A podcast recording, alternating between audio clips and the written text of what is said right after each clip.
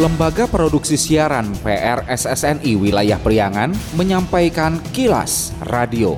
Disiarkan di 20 radio anggota PRSSNI di wilayah Priangan.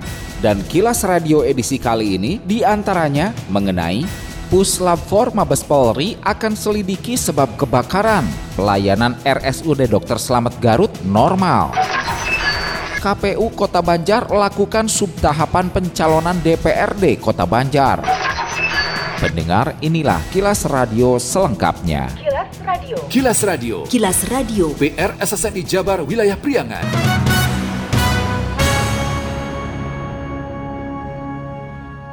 Direktur RSUD Dr. Slamet Garut, Husodo Dewo Adi menyatakan pihaknya menunggu proses identifikasi yang dilakukan Puslab 4 Mabes Polri yang akan mencari tahu penyebab kebakaran RSUD Dr. Slamet Garut pada Minggu 1 Oktober lalu. Menurut Husodo, ruangan yang sebelumnya kebakaran masih masuk daerah polis lain, jadi masih menunggu proses Puslab 4. Jika telah dinyatakan selesai baru nantinya diperbaiki. Husodo kepada sejumlah awak media termasuk jurnalis Kilas Radio Selamat Timur menyebutkan ruang logistik yang terbakar adalah bangunan lama yang dulunya dipakai masjid, namun karena sudah dibangun yang baru, maka dijadikan ruang logistik. Disebutkan sudah ada rencana pembangunan gedung lama untuk dijadikan ruangan hemodialisa dan talasemia, namun belum terlaksana. penyelidikan dari kepolisian ya kan itu yang masuk daerah polis lain itu kan jadi jangan nunggu nunggu dulu dari puslapor dulu kalau dinyatakan udah oke nanti baru kita perbaiki gitu. Pak di bangunan lama tuh ada rencana pembangunan kan? ya ada rencana untuk pembangunan kan gitu. Dulu juga ada rencana untuk pembangunan di situ kan gitu. Kenapa? Kalau dulu kan untuk dijadikan ruang ruang hemodialisa ruang talasemi ini di situ jadi satu pusat gitu. Tapi belum terlaksana sampai sekarang Insya Allah nanti ke depan gitu ya Husodo menambahkan pelayanan RSUD Dr. Selamat sudah kembali normal, kecuali pelayanan hemodialisa yang dialihkan ke Rumah Sakit Guntur dan Medina. Selama ini menurutnya sekitar 40 pasien yang memerlukan pelayanan hemodialisa atau cuci darah ditangani di RSUD setiap harinya. sekitar 40 orang per hari ya Dialihkan ke dua rumah sakit itu Pak ya? ya dialihkan ke Rumah Sakit Guntur untuk kita Oh Guntur juga ada? Iya. Medina, Guntur, terus mana lagi? Cuman itu aja kan Dua ya? Hmm, Oh iya. gitu. Yang lainnya pelayanan yang terganggu mana Pak? Insya Allah sih nggak ada plan yang terganggu. Gitu. hanya hemodialisa yang terganggu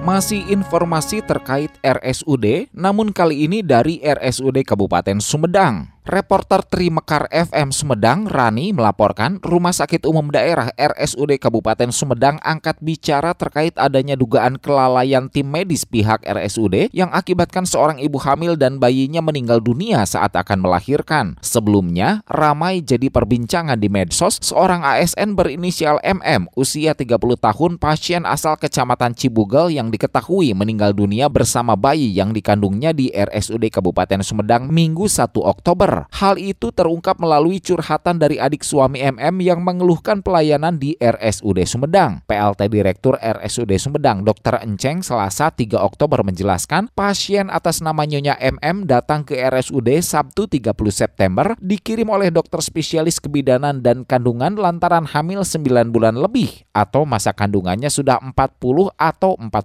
minggu namun belum ada tanda-tanda akan melahirkan. Menurutnya, penanganan pasien sudah dilakukan sesuai prosedur di mana pasien direncanakan melahirkan dengan tindakan induksi atau merangsang timbulnya reaksi kontraksi agar timbul kontraksi tanda kelahiran. Enceng melanjutkan pada Minggu 1 Oktober proses persalinan mengalami kemajuan ditandai pembukaan sudah lengkap sehingga pasien dipimpin proses persalinan. Namun dalam perjalanannya mengalami penurunan kondisi fisik yang dicurigai disebabkan oleh emboli air ketuban. Kejadian yang diakibatkan adanya resiko medis itu bisa muncul kapan saja kendati sudah dilakukan tata laksana sesuai dengan prosedur penanganan pasien yang berlaku atau sesuai SOP. Penyebab kematian secara pasti itu belum ditentukan, tetapi sangat besar kemungkinan tadi berdasarkan dua jurnal yang kami dapat eh, yang diterbitkan oleh bagian anestesi eh, di Rumah Sakit eh, Umum Sarjito berupa jurnal yaitu emboli air ketuban namanya. Pertama dari pihak rumah sakit saya sendiri sudah bertemu dengan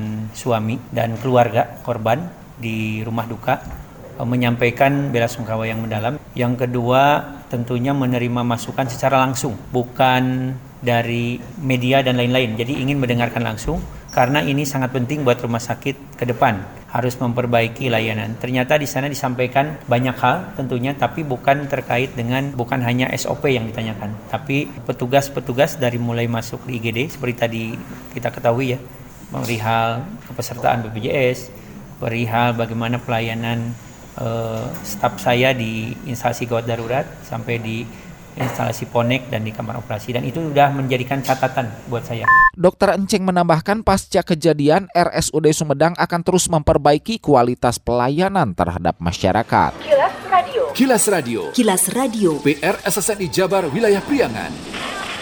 Diharapkan jangan membakar sampah sembarangan. Nah, ini telah terjadi kebakaran lahan ya. Membuang puntung rokok di area-area yang mudah terpicu untuk terjadi kebakaran. Mari cegah kebakaran, utamanya saat musim kemarau. Hindari membakar sampah di lahan kering, apalagi dekat kawasan hunian atau rumah. Jangan buang puntung rokok yang menyala di sembarang tempat. Matikan puntung rokok dan buang pada tempatnya. Cabut instalasi listrik yang tidak terpakai dan matikan kompor saat rumah tak berpenghuni. Hindari steker listrik yang bertumpuk. Jauhkan lilin, lampu minyak dari benda mudah terbakar. Segera laporkan ke pihak terkait jika terjadi kebakaran di lingkungan kita. Iklan layanan masyarakat ini dipersembahkan oleh Kilas Radio PRSSNI Jabar, Wilayah Priangan. Bila Anda mendapatkan hal-hal atau peristiwa penting untuk diliput oleh tim Kilas Radio, hubungi hotline servis kami, SMS atau WA ke nomor 0813 2424 5911 0813 2424 5911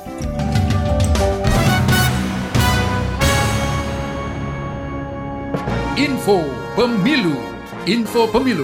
Persembahan PRSSNI Jawa Barat Komisi Pemilihan Umum KPU Kota Banjar saat ini tengah melaksanakan sub tahapan dari pencalonan anggota DPRD Kota Banjar, di mana tanggal 3 Oktober merupakan batas akhir bagi partai politik dalam melakukan pencermatan rancangan daftar calon tetap DCT. Kepada Lis R. Kilas Radio, Kadif Teknis Penyelenggaraan Pemilu dan Pemilihan KPU Kota Banjar, Muhammad Wahab Hasbullah menjelaskan, dalam proses pencermatan yang dilakukan partai politik di antaranya apabila dalam partai politik ada perubahan ataupun penggantian bacaleg atau juga perpindahan dapil dan perubahan nomor urut. Dikatakannya, baru lima partai politik yang telah menyerahkan perubahan, ada yang mengganti bakal calon, perubahan dapil, dan kelengkapan dokumen. Namun menurut Wahab, parpol lain yang tidak ada perubahan pun tetap harus menetapkan terkait pencermatan. Sub tahapan dari pencalonan anggota DPRD Kota Banjar. Sebagaimana di PKPU eh, terkait dengan pencalonan anggota DPRD Kota Banjar, termasuk juga tercantum di dalam Pendek ya bahwa hari ini tanggal 3 Oktober merupakan batas akhir bagi partai politik dalam melakukan pencermatan eh, rancangan DCT ya. Jadi partai politik hari ini batas akhirnya akan melakukan proses eh, pencermatan termasuk kegiatannya apa saja yaitu apabila dalam partai politik ada perubahan ataupun misalkan ada penggantian bacalon atau mungkin salah satunya adalah misalkan perpindahan dapil, perubahan nomor urut. Nah, itu satu kegiatan pencermatan rancangan DCT. Setelah mereka partai politik melakukan pencermatan, maka itu nanti disampaikan seperti biasa kepada KPU Kota Banjar melalui tim admin, tim helpdesk. Nanti kita juga lakukan melalui silon. Nah, setelah itu disampaikan dan hari ini batas akhirnya tanggal 4 kita akan melakukan permin verifikasi administrasi kembali bagi partai politik yang mengajukan penggantian bakal calonnya. Selanjutnya menurut Wahab, setelah masa pencermatan rancangan DCT berakhir, KPU akan melanjutkan verifikasi administrasi bagi parpol yang melakukan perubahan mulai 4 Oktober hingga 18 Oktober 2023. Jika di tahapan itu nantinya ada bacaleg yang tidak lengkap, otomatis akan di-TMS-kan.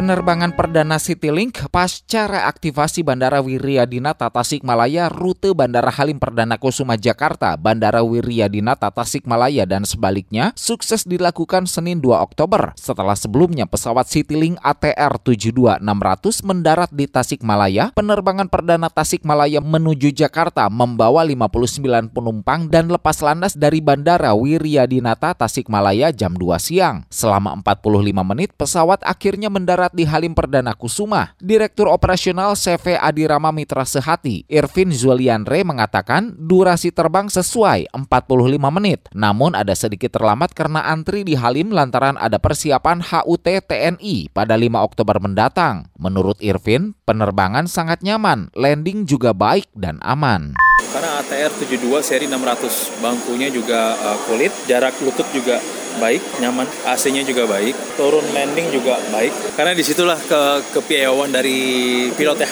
Firda, seorang penumpang dari Bandara Wiryadinata Tasikmalaya menuju Halim menyampaikan pengalamannya. Menurut Firda, pertama kali perjalanan dari Tasik Jakarta cukup menegangkan tapi sangat aman dan lancar. Firda Onar Sajodosnek. Gimana tadi perjalanan dari Tasik ke Halim? Perjalanannya untuk pertama kali ya, pertama kali dari Tasik ke Jakarta cukup menegangkan tapi alhamdulillah ya maksudnya perjalanannya aman dan sangat lancar. Gitu. Gimana di dalam? Cukup nyaman ya, cukup nyaman.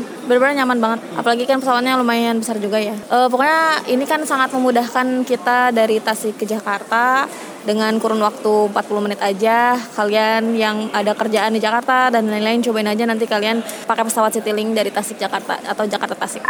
Selain mengangkut penumpang umum, sejumlah tokoh dan pejabat pada penerbangan perdananya yang menggunakan pesawat Citylink ATR 72600 itu turut serta sekira 9 jurnalis dari 9 media di Priangan Timur menjajal rute Tasikmalaya Jakarta. AKA Aris Kartiko Aji dari Kilas Radio Priangan adalah salah seorang jurnalis yang turut terbang. Kilas Radio. Kilas Radio. Kilas Radio. PR SSNI Jabar Wilayah Priangan. Sekian Kilas Radio. Saya Dido Nurdani beserta tim Kilas Radio Priangan. Salam PRSSNI. Kilas, Kilas. Radio.